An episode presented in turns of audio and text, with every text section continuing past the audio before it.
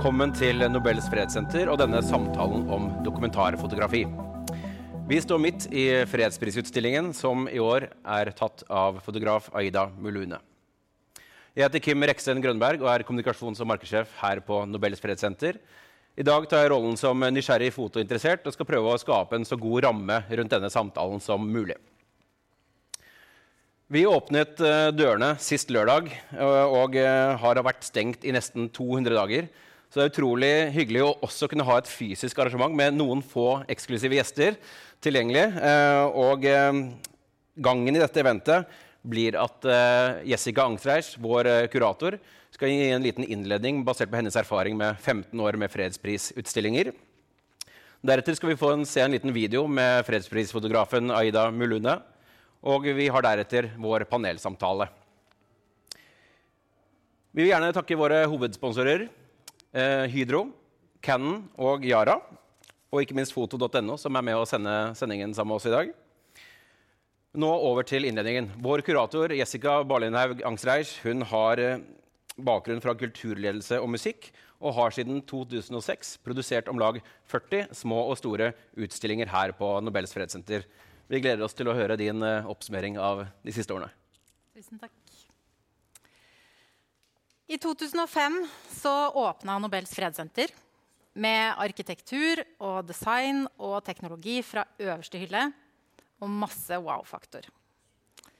Men allerede i 2006 så gikk vi litt tilbake til gamle dager. Da viste vi Robert Capa 'Images of War'. Det var en klassisk fotoutstilling med arbeidet til en av historiens mest legendariske dokumentarfotografer. Den utstillinga starta et fokus på fotografi på Nobels fredssenter som har vart frem til i dag. Hvert år i 15 år har vi knytta et spesielt fotooppdrag til fredsprisårets høydepunkt hos oss. Fredsprisutstillinga som åpnes av vinneren den 11. desember og som dere ser et utvalg av på skjermen. Fredsprisutstillingen innebærer et oppdrag som går til en fotograf som har et spennende uttrykk og en arbeidsform som passer til utfordringen. Fotografen skal på ca. én måned skape en fotoserie som skildrer vinneren og tematikken for årets pris. Oppdraget krever ikke bare et godt øye, men også taktfullhet, strategisk list og av og til fleksibilitet av en annen verden. Som da Espen Rasmussen måtte reise jorda rundt på to dager på jakt etter en fredsprisvinner som aldri var der hun skulle vært. Eller når fredsprisvinneren er en kinesisk dissident som sitter i fengsel. Når bildene er tatt, gir Fredssenteret form til utstillingen. Og hele prosessen er gjennomført på ca. åtte uker. Nobels fredssenter skal gjennom fredsprisen inspirere til små og store endringer. Det er vår misjon. Og som en logisk følge av det Det som skal skille fotografiet hos oss fra gallerier generelt, er at fotografi hos oss skal inspirere til en endring. Da jeg studerte kulturformidling, var mantraet 'kunst for kunstens skyld'. Kunsten var målet. Og vi måtte være veldig forsiktige med å bruke kunsten som et middel for å oppnå noe annet. Men det går vi her og gjør hver dag. Og der vet jeg at vi deler en agenda med mange samfunnsengasjerte fotografer. Det er alltid et budskap vi vil få fram. En endring vi vil være med å forårsake. Og selv om vi alltid har en agenda med det vi viser, så vil vi også alltid respektere kunstens egen verdi. Fordi kunsten har det særtrekket at den har tilgang til et sted og en reaksjon hos publikum som vi heldigvis ikke kan dissekere og bryte ned i ord eller fakta. Det vi ofte ser med fredspris fredsprisutstillingen, er at den ikke bare skaper en reaksjon hos publikum, men at selve oppdraget skaper et nytt eller forsterka engasjement hos fotografen. Under oppdraget får han eller hun innsikt i en ny verden som inspirerer, enten det handler om de som står i førstelinja i kampen mot kjemiske våpen, eller mot sult brukt som krigføringstaktikk. Tittelen på dette arrangementet handler om at alle på sett og vis har blitt dokumentarfotografer. Med det så tenker man kanskje på alle dokumentasjonene som gjøres hele tiden, og at det blir flere og flere av disse. Men i vår sammenheng er det alt utover den rene kopien av øyeblikket som blir interessant. Det er den individuelt skapende åndsinnsatsen som det heter i jussen, som skiller et fotografisk verk fra et fotografisk bilde. Følelsen av å se macheten som spidder en halv papaya i en utstilling om seksuell vold, er et resultat av at den innsatsen har mye å si. Når det gjelder kraften i et utstilt bilde, så må museet og kuratoren ta et viktig ansvar i å la denne kraften komme godt fram. I museet har vi tilgang til hele kroppen med flere sanser og dermed mye å spille på. Lyd, fravær av lyd, aktiv interaksjon og mye mer. Hvilke omgivelser vi fyller ut opplevelsen med, påvirker i stor grad hvordan bildenes endringskraft kommer til sin rett. Her er det fortsatt et uutnytta potensial for oss som museum. Vi må være enda mer oppmerksomme på det store lerretet vi har til rådighet når vi tilbyr fysiske utstillingsopplevelser. Fredsprisutstillingen har vært spenn en spennende reise i temaer og uttrykksform. Det har vært eh, alt fra pressefoto til mer konseptuell uttrykk. Det som har skjedd hos oss, er vel at vi i større grad har bevega oss mot utkantene av dokumentarsjangeren. Christina de Middel og Aida Melune er eksempler på det. Til fredsprisutstillingen 2020 har Aida Melune laget en fotoserie som tolker ti konflikter der sult har blitt brukt som våpen. Aida er en av Afrikas ledende fotografer. Hun har solid status både som fotojournalist og kunstfotograf. Fotokunsten hennes vises over hele verden og finnes bl.a. i samlingene på Smithsonian's National Museum of African Art i Washington DC og ved MoMA. Hun har vunnet flere internasjonale priser og er Cannon-ambassadør. Hun er født i Etiopia og vokste opp i Jemen, England, Kypros og Canada. Aida driver også festivalen Addis Fotofest og kuraterer og utvikler kulturprosjekter i Etiopia. Hun har laget en liten video til oss fra Abidjan i Elfenbenskysten, der hun bor i dag. Her skal vi høre litt om hvordan hun jobber, og konkret hvordan hun angrep oppgaven med å lage fotoserien til fredsprisutstillingen for 2020. I mean, every type of photography has its role in how it disseminates information, how it informs, you know, how it documents history and so forth. Um, I think I'm one of the rare photographers where I exist between these two worlds because I am still a photojournalist and I am also an artist. And existing between these two points, uh, one inspires the other, uh, one answers to the other. And what I believe in is that we are in probably the most visual uh, stage of our history. So the fact that we have social media, which is heavily visually based, um, and as we know, the power of the image has really uh, pushed many things forward. And this is what we have to, as visual storytellers, we have to continue um, documenting not only these realities, but also um, really constructing a conversation and a dialogue about what we experience and what we see. And that I believe is a tool of photography, and photography is a communication tool because for anyone listening to this on a daily, just think about the amount of, amount of images that you consume. Uh, and imagine the amount of images that you consume and how that has an impact on your day or your thoughts about a space or your, your thoughts about purchasing something or your thoughts about you know, uh, and news that you didn't know about. All of these are provoked uh, much more intensely, I think, through the image than words. I believe the world is bombarded with a lot of images relating to war, famine, um, all these different uh, social issues that come up. And for me, the ultimate goal is since we see a lot of the same images over and over again, it was really trying to express the same message, but do it in a way that uh, will attract an audience to actually look into the image instead of just passing it by. So, in a sense, it's really to uh, provoke curiosity. I think that's what it's done. Um, but ultimately, it's also sort of a window into like a much bigger story, you know, to, to get people interested into actually digging for that information and providing them with information that they might be unaware of, but through an artistic form.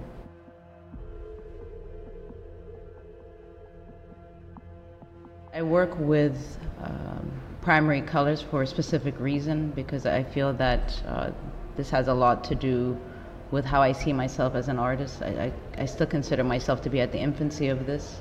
And by using primary colors, these are the colors that I'm trying to explore to the fullest before I move into other, other colors and other shades. That's the one factor. The second factor, I think over the years, I realized that a lot of the primary colors were something that I was pulling from uh, Ethiopian church paintings which uh, you know I grew up with it, but somehow it subconsciously existed in my mind, and then it's also come out in the work. And in that sense, uh, what you see in any of my work that I've created, it's really to try to attract with the colors, but there's more than just a painted face, and there's more than just colored material and so forth. So in that sense, um, my choice of you know using specific patterns, uh, the work is for me uh, something that I think anyone can connect to because it, it has the simplicity, but it's also complex within it. And I think that's the true form of art that you're able to penetrate uh, an audience regardless of class, um, you know, ethnicity, geographical locations. So my ultimate goal at the end of the day is, for example, you know, I want my family who are farmers uh, in the middle of Wallo uh, to see the work and recognize it, and they recognize it. So I don't try to over intellectualize my work. I do want my work to resonate regardless of who you are, where you come from. And I think for me, the most rewarding is sort of to, to hear not the comments of art critics or curators or what have you, but to really listen to how children relate to the work when they see it. And it's quite fascinating uh, to experience that as an artist. The colors and the forms are just me seducing you, you know, to bring you into the image. This is, it's a seduction, you know. But uh, behind that curtain, there's a lot of things within it. And even for my collectors, when, when they have the piece in their homes, you know, they see different things each day. You know, there's different things that unravel within it. And I do believe, uh, you know, that's also life. You know, you, nothing remains the same nothing's ever stagnant. You know, things are continuously unfolding, and that's my ultimate goal for my work. Is that when you look at it, you find new things, uh, you find new emotions, and also the uh, you know the stares are quite intense as well. So, so it's it's I can talk about each piece for a very long time um, because it's something that is very. It's not a passive creation for me. It's something that's very deeply rooted within who I am and also the things that I want to say.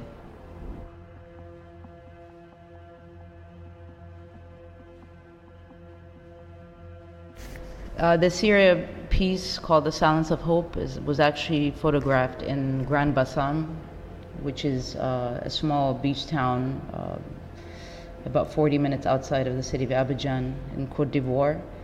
The space that I decided to use it in is an abandoned uh, hotel, which was actually the first hotel in Cote d'Ivoire called Hotel de France.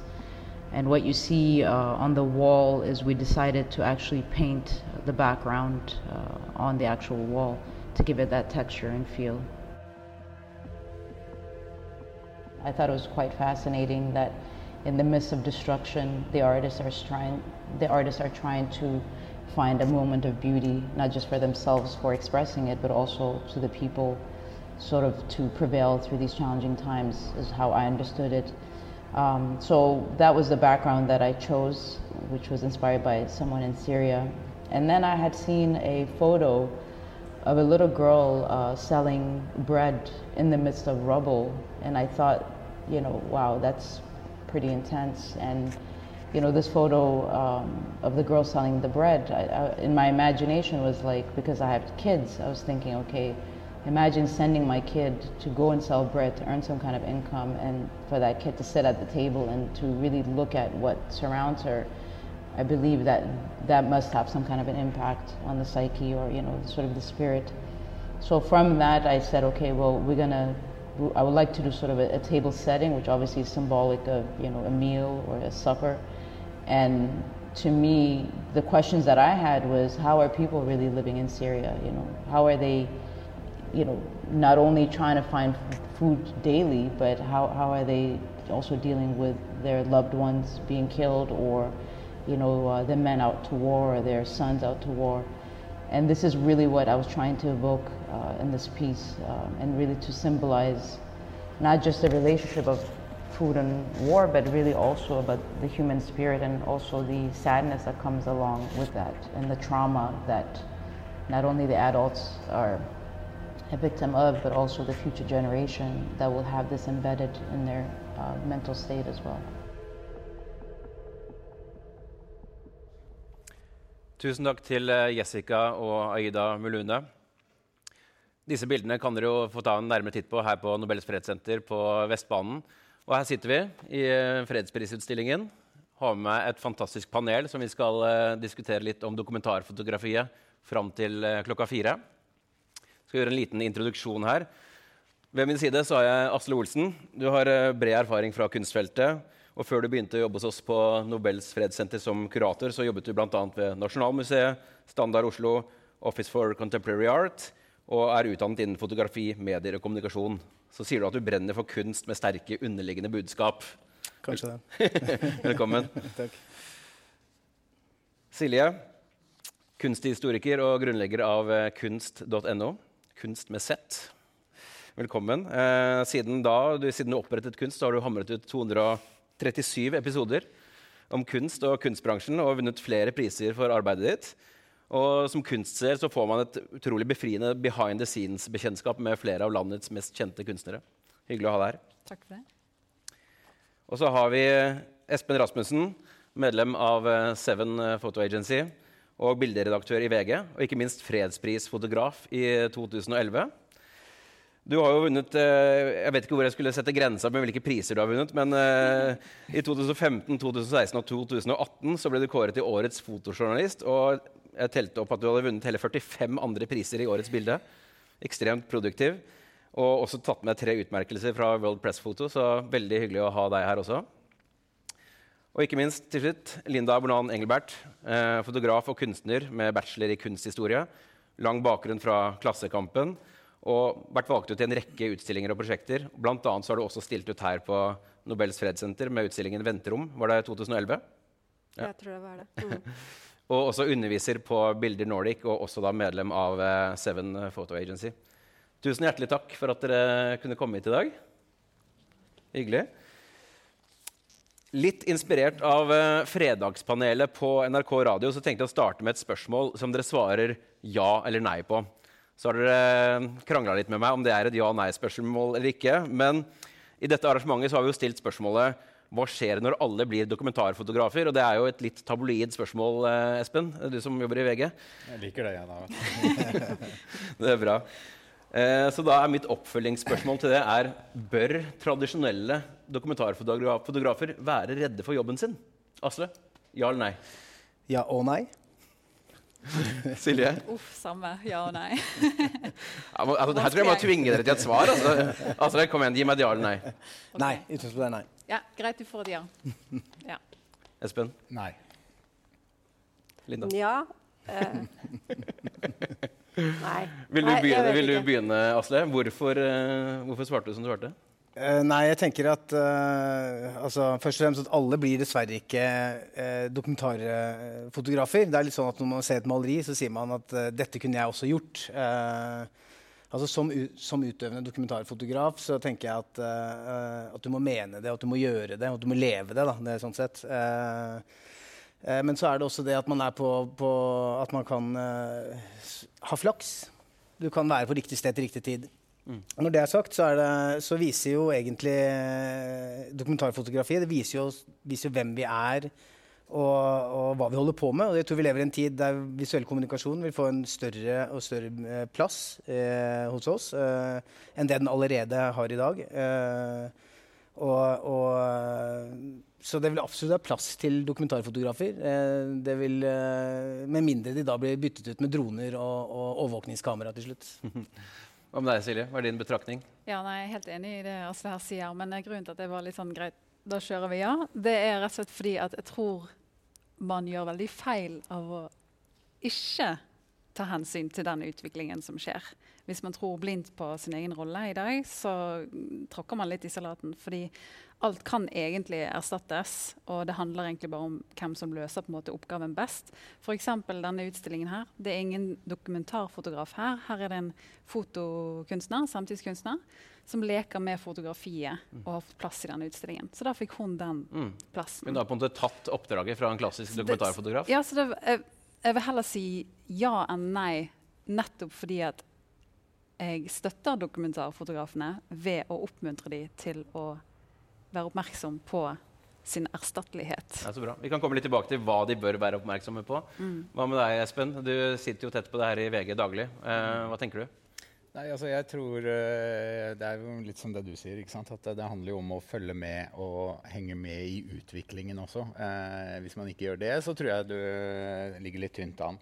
Eh, men så ser man jo også ofte at eh, mange dokumentarfotografer faktisk er ganske langt fram i skoa når det gjelder nettopp det å henge med og bli med på den utviklingen som vi ser foregår i dag. Da. Og da Eh, da tror jeg nok at, og Derfor svarer jeg nei, egentlig. Eh, av den grunn. Og fordi at det er enkelte områder hvor man, jeg tror man ikke vil se den vanlige mannen i gata være til stede og fotografere. Eh, og det handler ikke om hendelser og ulykker, for der ser vi nok mer og mer av det. ikke sant? Mm. Og i, på, i, aviser også, så ser man at det brukes mye privatfoto av folk som har tatt bilder av sitt eget liv. Mm. Men når det gjelder det å få innpass i miljøer, innpass i områder og spesielle situasjoner og hendelser, og der det krever både etisk tenkning, en god sosial kompetanse, dose sosial kompetanse og eh, ikke minst også et håndverk, da. Mm. Eh, der tror jeg liksom der tror jeg man Jeg tror ikke det blir erstatta. Nei. Nei. Nei.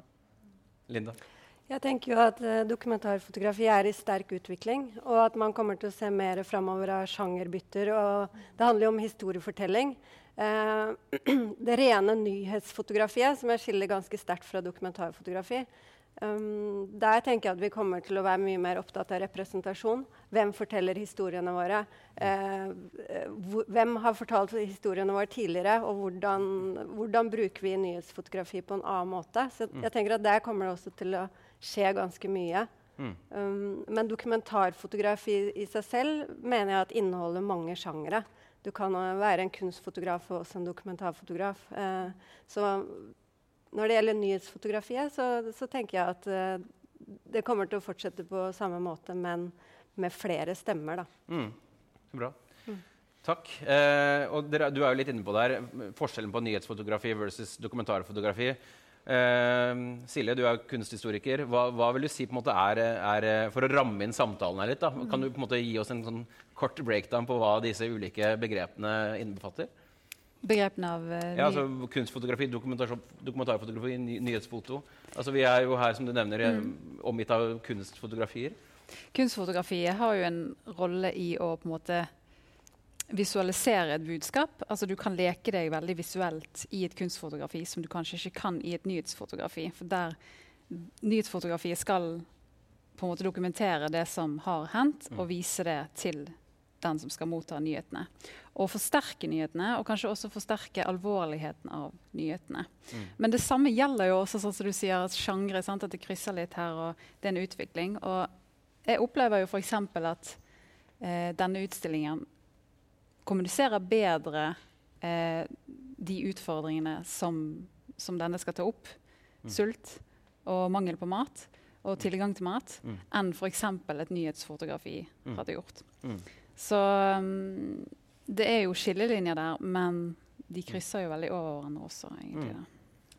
Linda, du har en kommentar? Jeg tenker at Der vi er i dag, hvis man ser på den fotojournalistiske dokumentarfotografiet, så tror jeg vi er i dag at man kan si klassisk dokumentarfotografi, som på en måte inneholder en del rekke regler og etiske holdninger i, i forhold til hvordan du skal være som fotograf. Eh, men det fins nå så mange andre måter også å fortelle historier, politiske mm. historier og viktige historier. Så jeg tror at ved å kalle noe klassisk dokumentar, så har man på en måte eh, litt flere ja. Jeg er ikke så opptatt av kategorier, men, ja. men, men at det er forskjellige kategorier da, innenfor ja. dokumentarfotografiet. Mm. Ja, spennende. Asle, du, du, var jo med på å på eh, sette bestillingen hos eh, Aida i forbindelse med denne utstillingen. Kan du si litt mm. om, om bakgrunnen der? og ja, Hvorfor vi valgte som vi gjorde, eller hva, hva vi så etter. Mm. Eh, nei, vi var jo eh, Vi hadde jo Året før så hadde vi jo Finbar O'Reilly, som er en, eh, som er tilbake da, en klassisk dokumentarfotograf som også har jobbet for Reuters og de store historiene som eh, og det var, fungerte veldig bra. Vi var veldig fornøyd med det. Eh, vi møtte jo da Aida gjennom det prosjektet fordi Uh, Finn Borrelli foreslo at vi skulle samarbeide med, med, med Aida, uh, som drev Addis Fotofest. Mm.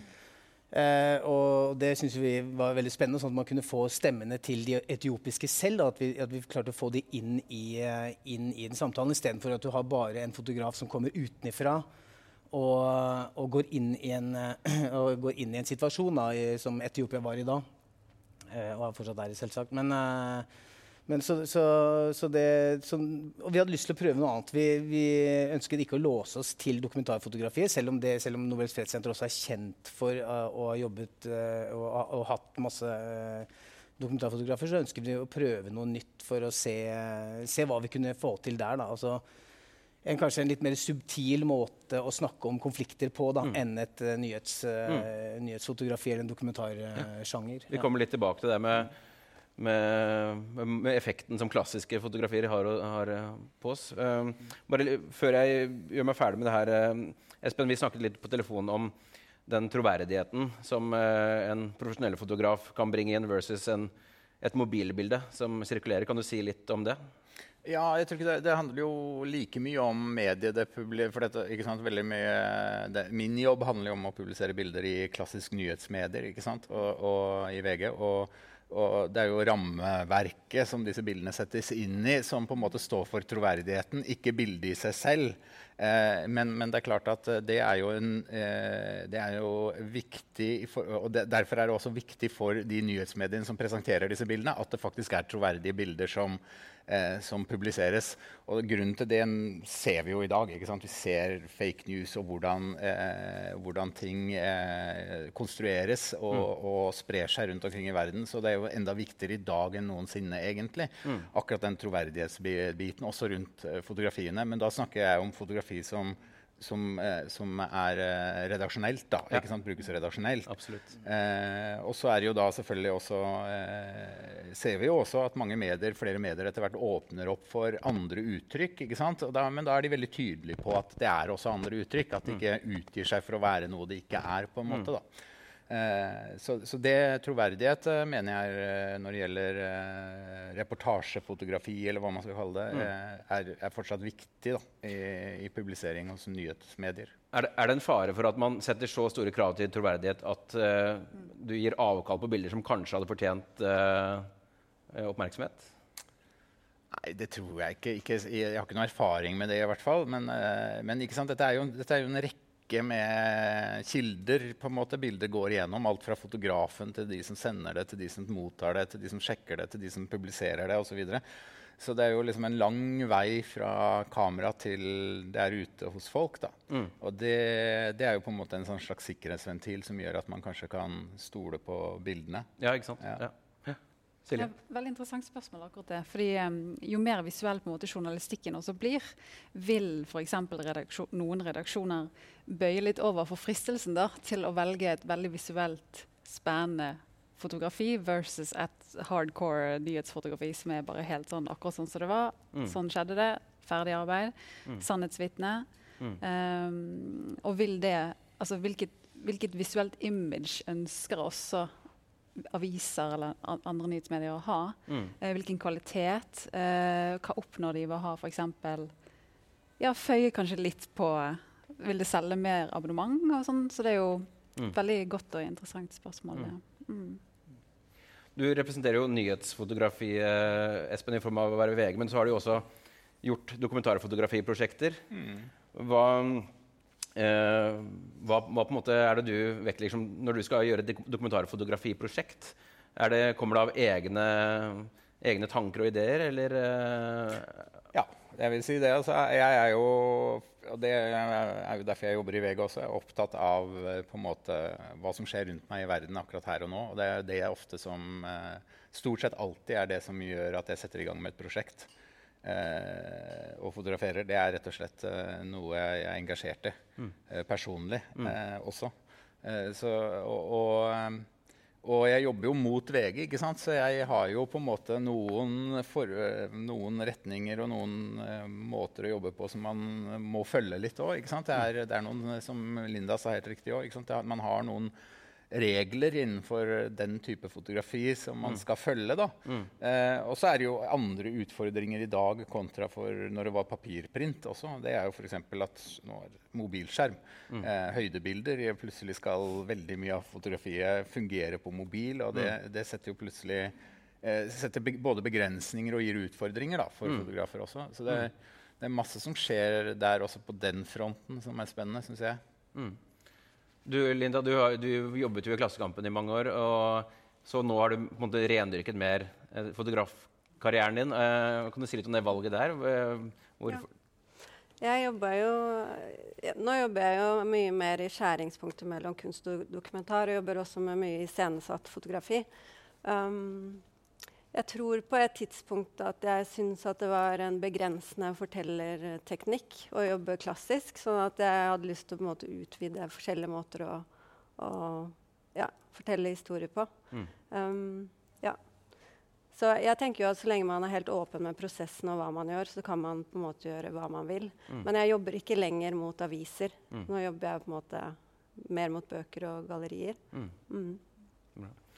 Før vi forlater det, akkurat dette temaet, eh, Silje, kan du gi oss en liten sånn innføring til hvilke stilarter man bør, bør være oppmerksom på som eh, enten besøkende i gallerier eller museum? Eh, hva er det som på en måte er på vei oppover? Ja, altså Det jeg i hvert fall ser akkurat nå, er jo det digitale fotokunstverket. Da, og at en slags abstraksjon. Eh, at man leker med lys. At man maler med lys, nesten. At man abstraherer motivet eh, ved hjelp av lys. Og så er jo det dette med det digitale som er veldig spennende, på godt og vondt. Altså, F.eks. en kunstnergruppe LA som heter Brud. De har laget en um, Jeg vet ikke om alle er kjent med spillet The Sims, men de har laget en animasjon av en ung dame. Hun er flott, hun er pen, hun er alltid perfekt. Hun eh, lever et perfekt liv, hun reiser jorden rundt, hun har alltid de riktige klærne. Men hun er helt digital, men hun ser helt ekte ut når du scroller på Instagram. Så det er veldig vanskelig å skille. Men det er et kunstprosjekt, og de leker jo med den tiden vi er i. Altså, hva er ekte? Eh, hvor ekte er egentlig det vi ser? Um, og um, for å ta det litt sånn en innføring da, fra liksom fotografiapparatet ble oppfunnet, så revolusjonerte jo det måten vi forholdt oss til bilder, og eh, hvor lang tid det tok å skape et bilde, ikke minst. eh, og effektiviserte den prosessen der. Så det, fotografiet ble jo liksom oppfattet som den gang, da er vi liksom på slutten av 1800-tallet, som kostnadseffektivt, praktisk og moderne. Kjempespennende. Men det samme ser vi med den teknologien vi får i dag. Um, denne animerte damen heter Lill Michaela. Hun er kostnadseffektiv. sant? Hun slipper, hun har aldri mensen. Hun kan bare Hun er evig perfekt, alltid klar til å gå på jobb. Hun, eh, hun er praktisk, og hun er moderne. Og hun er også langt mer miljøeffektiv enn det jeg er som menneske. Hun gir et mye mindre avtrykk på miljøet. Så uh, Der er det noe vi skal være nå, nå på. er du går helt sånn i dystopien her, at mennesker skal, erstattes av eh, animerte Ja, men det er interessant. Ja. Man ser noen paralleller i den eh, visuelle utviklingen med bruk av teknologi. Så robotene, robotene skal erstatte oss også på dokumentarfotografi? De begynner å ligne også mer og mer på mennesker. Mm. Det er eh, triste saker. Eh, jeg har bedt dere alle om å ta med et bilde eller to som har hatt betydning for dere, eller som har gjort inntrykk på dere. Vi kan jo ta de opp. Eh, det første bildet er vel faktisk av deg, Silje, og Jane Goodall. Ja. Uh, vil du, uh, vi kan jo hoppe videre til neste bilde, kanskje. Men dette er jo en, vil du fortelle litt om bakgrunnen og hvor dette er? Ja, bakgrunnen. Jeg ble kastet litt inn i et tilbud om å dra til eh, et sted som heter Baden, som ligger utenfor Wien i Østerrike. Dette var høsten 2019. Var det det? Nei, det var sommeren 2019, faktisk. Og der ja, ble veldig kastet ut i det, men det var sånn Dette er fett. Du får møte fotografer i toppklasse. Worldpress-direktøren er Worldpress Photo der. National Geographic. Dr. Jane Goodall. Um, og hun har jo jobbet hele sitt liv med altså, en slags ambassadør for sjimpanser. Og Mm. Kan bevisstgjøre du se på neste bilde, kanskje? ja. Bevisstgjøre uh, den vestlige verden om dyrelivet, da. Uh, og spesielt sjimpanser. Dette fotografiet er f.eks. tatt av eh, Michael Nichols, som er en National Geographic-fotograf. Jeg lurer faktisk på om han er pensjonert nå. Men han har i hvert fall fulgt uh, Jane Goodall i flere tiår i hennes arbeid og filantropisk arbeid med sjimpanser. Uh, jeg valgte akkurat dette bildet fordi to grunner. Det minner meg om uh, Adams skapelse, som er malt av Michelangelo, uh, renessansemaleren, og uh, er i Det sixtinske kapell. Denne, liksom det, den kontakten Mm. med noe annet, som også er på en måte Altså det er en slags gnisning der. Den, den, det møtepunktet der som nesten er borti hverandre. Eh, og så er viser det til en ydmykhet og noe universelt. Eh, så jeg vet ikke om Michael Nichols hadde Michelangelo i tankene det, når han tok det. Men eh, det peker på det samme. Det er veldig menneskelig og evig med det. Og så er det den andre grunnen er rett og slett fordi at eh, det minner meg Jeg liker det veldig godt. Det minner meg om at vi må være litt mer ydmyk.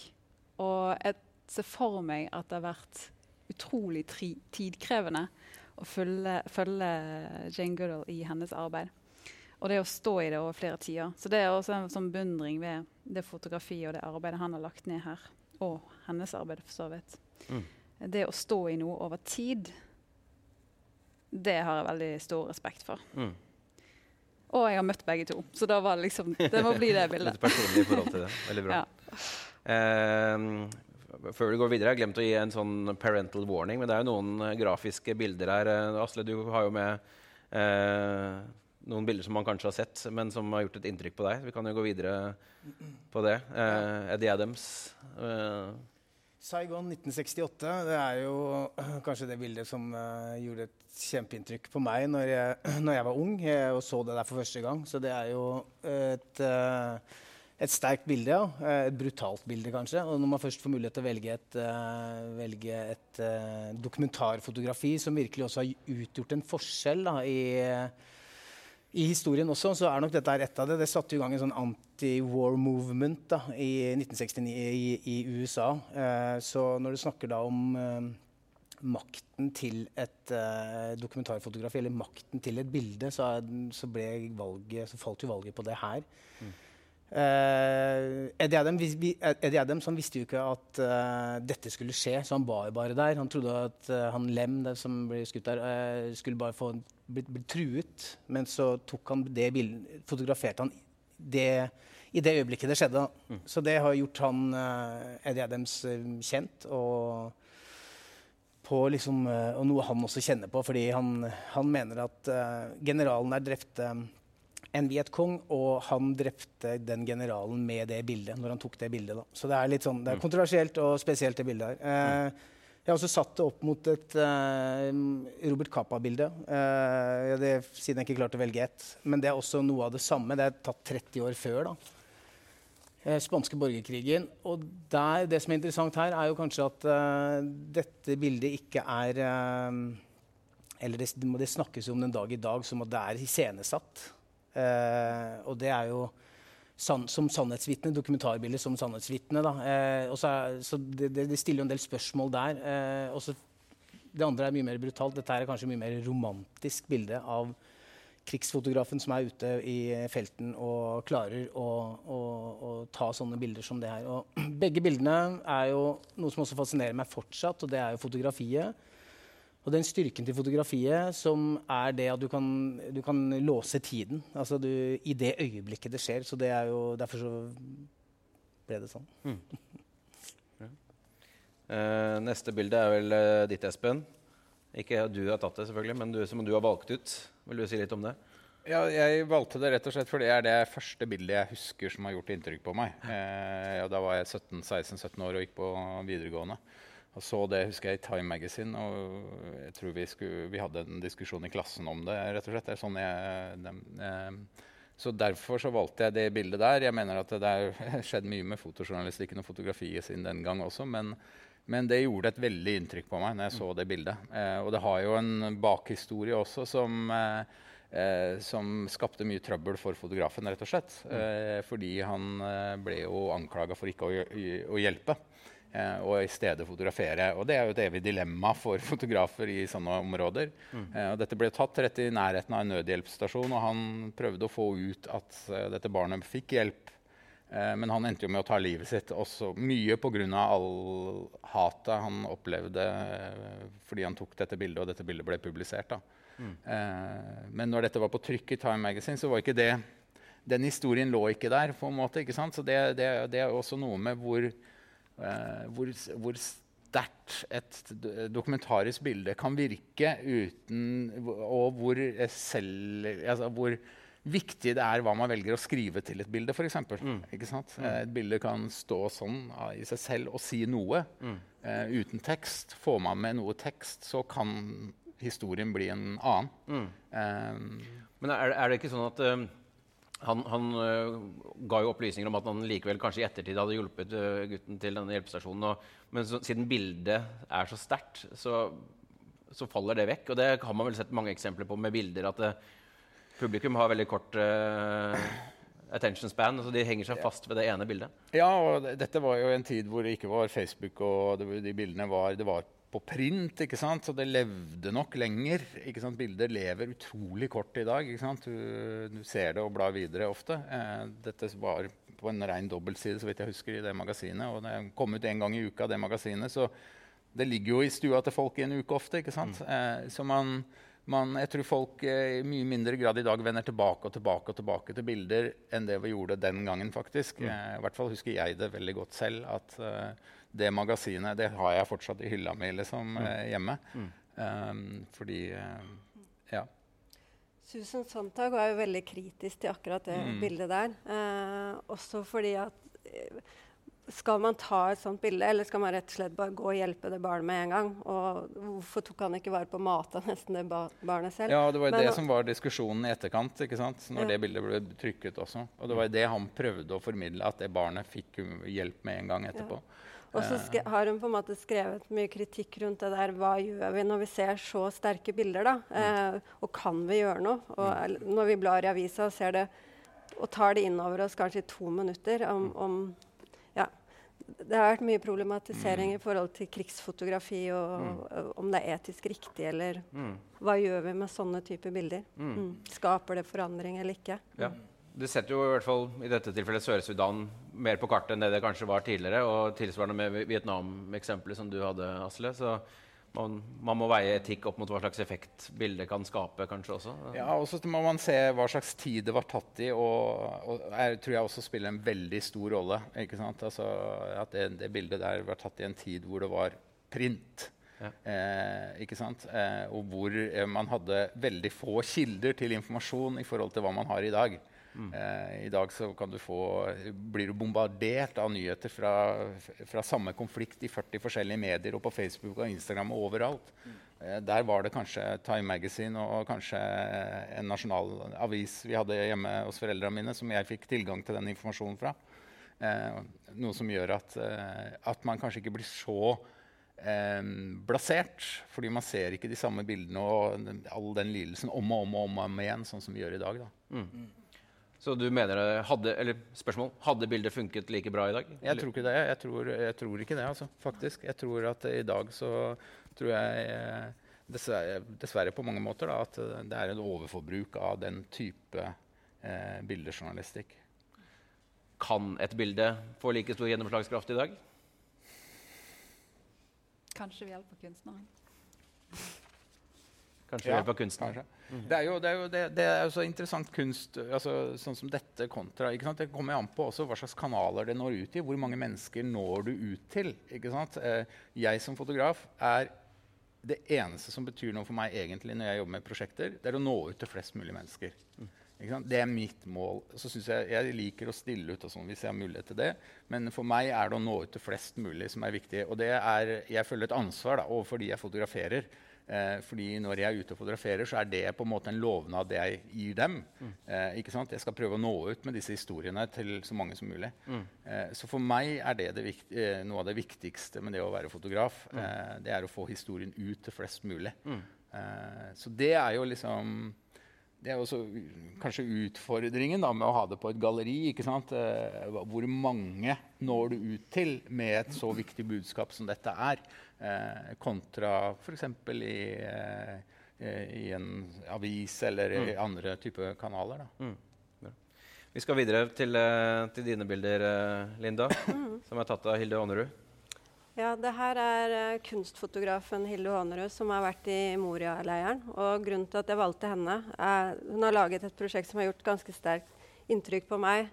Som handler om eh, yoga og sport, eh, som var laget av en organisasjon inne i leiren.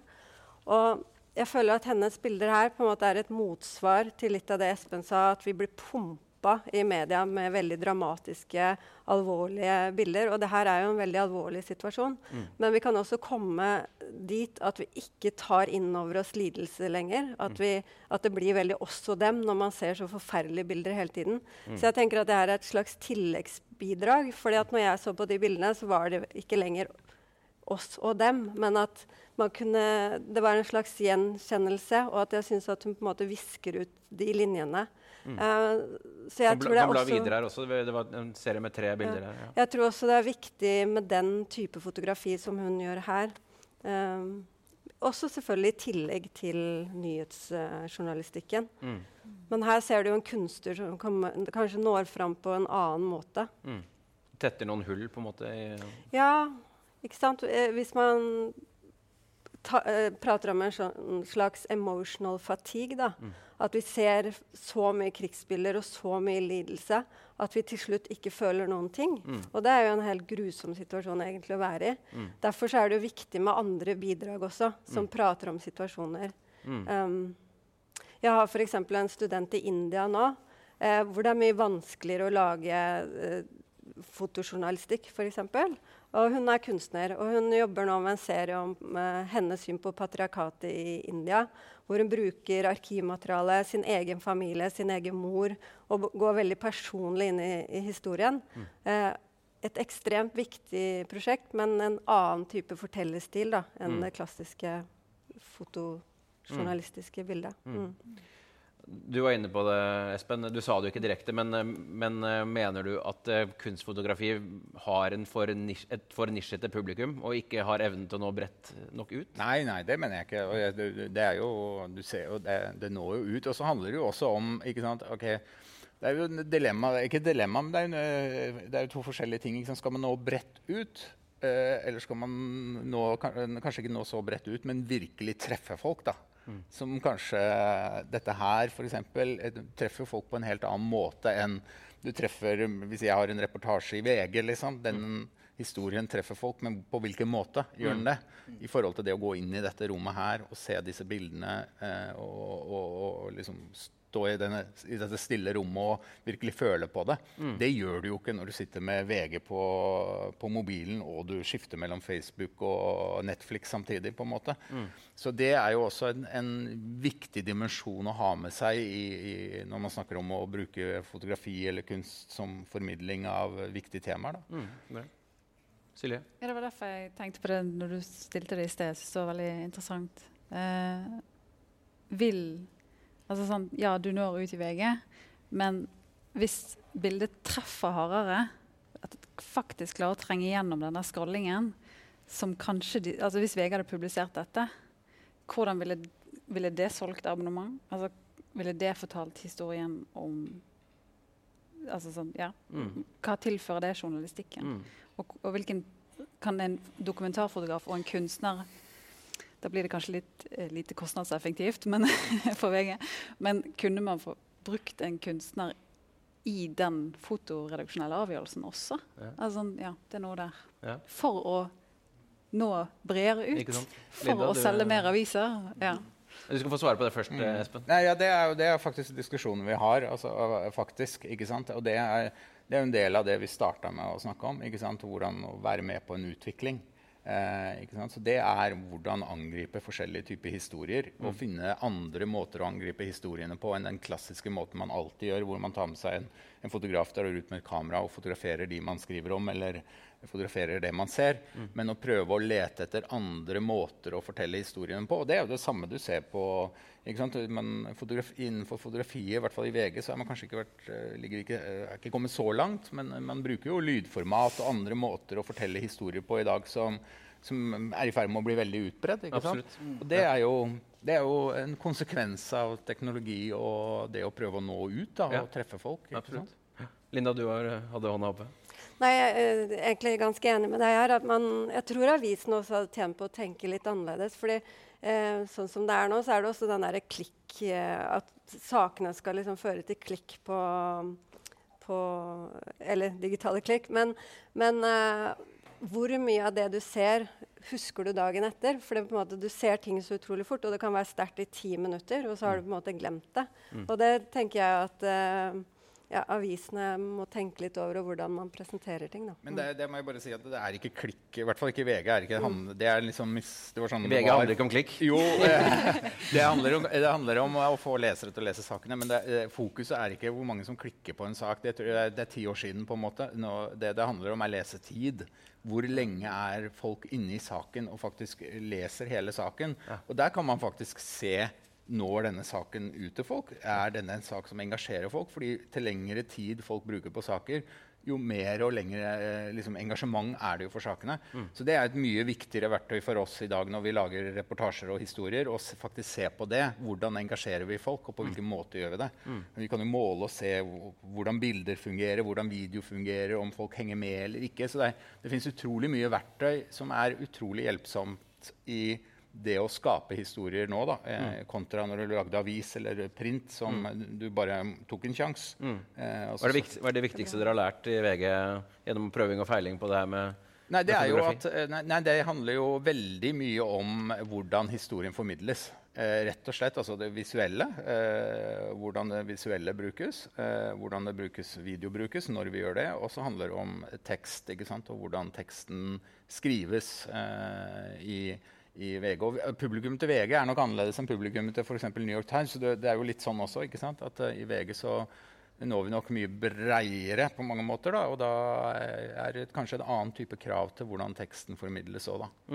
Um, Hva med, hva med deg, Silje? Du driver jo kunst Ja. Uh, og har jo et veldig dedikert følgerskare som betaler uh, månedlig for å se innholdet ditt. Ja, jeg gjør det som kunstverdens VG, kanskje. Men, uh, men uh, ja.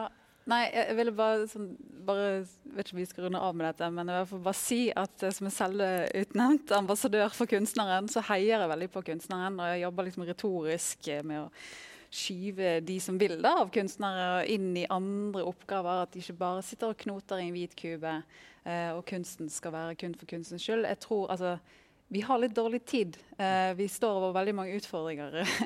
Så eh, vi trenger liksom alle mann på dekk nå. Og kunstneren er en kjemperessurs i samfunnet. Altså, De er håndverksdyktige, de er visjonære, de klarer å tenke annerledes. De har en sans for estetikk, form, farge. Få de inn i enten det er arkitektur, byplanlegging, få de inn i, i veiplanlegging, få de inn i fotoredaksjoner, få de inn i helsevesenet. Altså, ja. Så du er enig med Jessica som uh, Ja. bryter reglene om å lage kunst for kunstens skyld? Mm. Ja. Asle, vil du legge til noe her? Du, du har jo jobbet med, med Aida med denne utstillingen, og hvordan hun på en måte Hva er det hun sier for noe? At hun lurer folk inn i bildene sine? Ja, det er det hun gjør. hun sier eh, Ja, altså Hun bruker da farver, og, og hun lager disse tablåene, men hun bruker også farver for å, eh, for å lokke folk inn, for å, for å kunne se ting på en annen måte. eh, at betrakteren kommer inn i en annen type modus og lurer på kanskje litt mer nysgjerrig. Eh, eh, så hun lager disse tablåene der, man, der, der hun bruker sceneprops, der hun med maling og iscenesetter bildene sine på den Mm. måten der. da. Mm. Er det innafor å iscenesette bilder? Det- Innenfor kunstfotografiet så er det selvfølgelig det, men innenfor dokumentarfotografiet så er vel det veldig no-no, eller hva? Det må bare være ærlig på man, prosessen og hva man gjør, tenker jeg. Det er, så er ikke noe Jeg er, jeg er med i noe som heter eh, Norwegian Journal of Photography, som er en sånn eh, toårig eh, mentorprogram med fotografer. Og der drar vi inn det, det, det, Vi sier at det er dokumentarfotografi, men der har vi med alle typer retninger innenfor Og vi kaller det fotografi, rett og slett. Det er veldig, jeg er litt tilhenger av det, egentlig. At, uh, ikke så opptatt av alle disse her, eh, båsene, egentlig. Uh, men jeg ville si én ting, og det, det tror jeg er noe som man kanskje vil se mer av framover. Det handler om at vi har hatt en veldig lei tendens i alle år, og jeg er representant for det selv. Og at vi eh, sender fotografer ut i verden for å dekke ting. Og komme tilbake igjen etter ti dager eller en uke. Eh, det som jeg håper å se mer av, er jo at man bruker mer og mer lokale ressurser. Eh, der man, ikke sant? Vi, vi sender en hvit fotograf til Kongo, og så er han der i Kongo og ser med sitt vestlige blikk på hvordan situasjonen i Kongo er. Og vi ender opp med veldig mange like bilder. Eh, og det tror jeg eh, Der ligger en utfordring og en, noe som jeg mener må gjøres noe med mye mer enn i dag òg. Nemlig det å bruke mer lokale eh, fotografer da, på stedene hvor det faktisk eh, skjer ting. Eh, fordi man kanskje da vil også få helt annen type fotografi og andre typer historier enn det man som vestlige drar til en konfliktområde. Så har man forhåndsdefinert 'dette skal vi se etter'. Eh, og så drar man ned og leter etter bekreftelsen på de bildene. Eh, og glemmer veldig mye av det andre. Og det tror jeg kan være en um, innenfor den, Når vi snakker om dokumentarfotografiet da, og styrken til dokumentarfotografi, så tror jeg det vil være med på å gjøre Holde liksom den type fotografi eh, sterkt og tydelig i mange år framover, hvis man klarer det. Ja. Mm. Linda, du, vi snakket jo litt sammen om dette i forkant. Ja. Nei, jeg er jo veldig glad for at du sier det, Espen, som uh, fotoredaktør. Nå, Vega har jo utrolig mange dyktige dokumentarfotografer, det må jeg si. Virkelig. Men, eh, men jeg tror det med større representasjon, og virkelig tenke på hvem er det som forteller historiene fra hele verden, og bruke lokale fotografer på en annen måte, det tror jeg er ekstremt viktig der vi er i dag. Og også som ikke sant, Når jeg har workshoper i, i, rundt om i verden, da, det er jo noe alle er veldig, veldig opptatt av. Eh, hvem er det som forteller historier fra mitt land? Jeg har lyst til å fortelle det selv. sånn at jeg tror at uh, det er i hvert fall noe som jeg håper kommer til å forandre seg ganske mye fremover. Ja, er jo Tida flyr når man har det moro. Vi er faktisk egentlig nærmere oss fire. Men eh, vi, eh, jeg syns vi skal fortsette litt til. Hvis, så, um, dette, denne sendingen kommer til å ligge i, i opptak etterpå uansett, så hvis noen har dårlig tid der hjemme Men, men det her syns jeg er spennende, dette med representasjon. og hva, hva, Når du ansetter i VG, hva, søker du mangfold? Jeg er ikke den som ansetter, men, men eh, det ansettes jo ikke fotografer. eh, det er lenge siden. eh, det er, men det er helt klart en ambisjon. Vi, vi har jo sommervikarer. eh? Det kommer inn sju-åtte fotografer hver sommer som skal jobbe i redaksjonen. Og i sommer så er det 60% kvinner. Det er eh, Vi har eh, Eh, vi har, og til oss, eh, prøver å knytte til oss eh, fotografer med flerkulturell bakgrunn. Og sånne ting. Så det blitt, og det er blitt mye mer fokus eh, de seinere år. Og spesielt etter at en kvinne overtok sjefsstolen i, på fotoavdelingen, så er det blitt Anne Mo Larsen. Eh, hun har veldig bevisst holdning til det. da. Uh, så der ser jeg en uh, veldig sånn tydelig retning nå. Eh, som, og det er en kjempestor jobb. En krevende jobb òg. Du skal finne, finne disse folkene, og du skal finne talenter du kan utvikle, eller som du kan stole på. ikke sant, og sånne ting. Men der har hun gjort en viktig jobb, syns jeg. da. Mm. Vi skal videre. Ehm, du var jo inne på det med emotional fatigue, eller compassion fatigue, som jeg også har sett det har blitt omtalt som, eh, som Linda. Ehm, hva har det å si at vi, vi blir utsatt for så mange sterke bilder og inntrykk? Altså, vi var inne på det i stad. Hva, hva, hva betyr det? Hva betyr det for dokumentarfotografiet? Silje, vil du si litt om det? Ja, jeg kjenner jo på det sjøl. Altså når man skal pumpe ut eh, bilder eh, i hvert fall hver dag og nye episoder hver uke. Eh, et, Ja, nei, hva skal man si om det? Det er bare tanken av hvor mange bilder som publiseres. Jeg sitter her sjøl og blir litt sånn overveldet bare av å tenke på det. Um, så, men jeg tror man vil se en mer uh, skepsis, og, og man kanskje blir sånn mer nøye på hva man har lyst til å utsette øynene sine for fremover. At man blir mer spesifikk i, i hva man ser og leser. Og uh, ja, spesielt ser. da. Mm. Tenker du på det, Linda, når du går i gang med prosjekter? Ja, Du mener mine egne prosjekter? Ja. ja, nå jobber jeg jo uh, ja, ikke akkurat i den sjangeren akkurat nå, da. Sånn at jeg tenker ikke så mye på det akkurat nå. Nå jobber jeg mer med personlige familiehistorier. Mm. Men, uh, men, jeg tenker mye over det, sånn som når jeg ser i f.eks. konkurranser som World Press og sånne ting. Hvis det er et krigsfotografi som på en måte vinner år etter år etter år, og til slutt så husker du ikke At det blir en slags sånn estetisering av krigs, krig, da som ikke lenger går innpå meg. Og det, det, er noe jeg er opptatt av. Derfor så tenker jeg også det er viktig i f.eks. juryene i de konkurransene at de også velger andre typer bilder. og på en måte Sånn at det ikke er de samme tingene som går igjen hele tiden. Mm. At man får litt pause fra det også. Mm. Det tror jeg er viktig. Mm. mm. Spennende. Um, Silje, vi, le vi, lever jo i en hypervisuell kultur. Du har vært inne på det. Um, og det sier jo Aida også i filmen som vi, som vi viste i stad. Uh, men så sa du da vi snakket sammen i forkant, at tekst er fortsatt dominerende. Ja, vi lever, uh, hvor, ja, ja. hvor, skal vi? Hvor vi skal? Nei, altså Hvis du tenker på hvor mange e-poster som sendes ut i verden, så er jo det noe annet uh, Altså det er betydelig mer. Vi skriver fremdeles mer enn vi tar en snap. Det gjør vi. Vi kommuniserer mindre med bilder enn vi gjør med tekst fremdeles. Uh, men mye har skjedd siden boktrykkerkunsten kom til verden på 1400-tallet. Så, um, så, jeg tror dette er egentlig bare begynnelsen på en, et nytt eh, altså, hva skal man si, kommunikasjonsformat. Det kan være, altså Tekst vil vi jo alltid ha, men bildet er veldig sånn Hos meg vinner det litt hver gang, på en måte, fordi at jeg kan kommunisere med noen i Kina med et bilde uten å kunne kinesisk, eller de kan norsk. Og uh, i den globaliserte verden vi er, uh, snart skal vi til Mars altså vi må på en eller annen måte klare å kommunisere bedre sammen på tvers av språk, kultur, rase, kjønn. Og da tror jeg bildet forener oss på en helt annen måte enn det teksten noensinne har mm. gjort og mm. kan gjøre og kommer til å gjøre. Mm. Linda, du, jo, du, er jo på Bilder Nordic og gjør kurs rundt omkring i hele verden. Hva, du er jo tett på studentene. Hva er, det, hva er, det, de er opptatt av? Hvor tror du, hvilken retning tar ting? Jeg tror vi kommer til å se mye mer eksperimentell historiefortelling fremover. Og det er gjennomgående i alle land jeg jobber i, om det er i Pakistan eller Norge eller USA. Så ser du at studentene er veldig, veldig opptatt av å fortelle historier på nye måter. Eh, de er også veldig opptatt av hvem som forteller historiene, og kjønn, eh, kjønnsfordeling. Fordi det er fortsatt, i hvert fall innenfor fotjournalistikken, så er det ganske skjevfordelt ennå. Så, så det at på en måte eh, kvinner også skal fortelle historier. Selvfølgelig I Norge så er vi mye mer likestilt, sånn sett, da, men på verdensbasis så, så er det ganske skjevfordelt ennå. Så det er en ting som folk er veldig opptatt av. Hvem mm. som forteller historiene. Og eksperimentere mer. Mm. Mm. Hvem er det som uh, pusher grensene innenfor dokumentarfotografi i dag? Er det noen uh, dere har lagt merke til som man bør uh, følge med på fremover?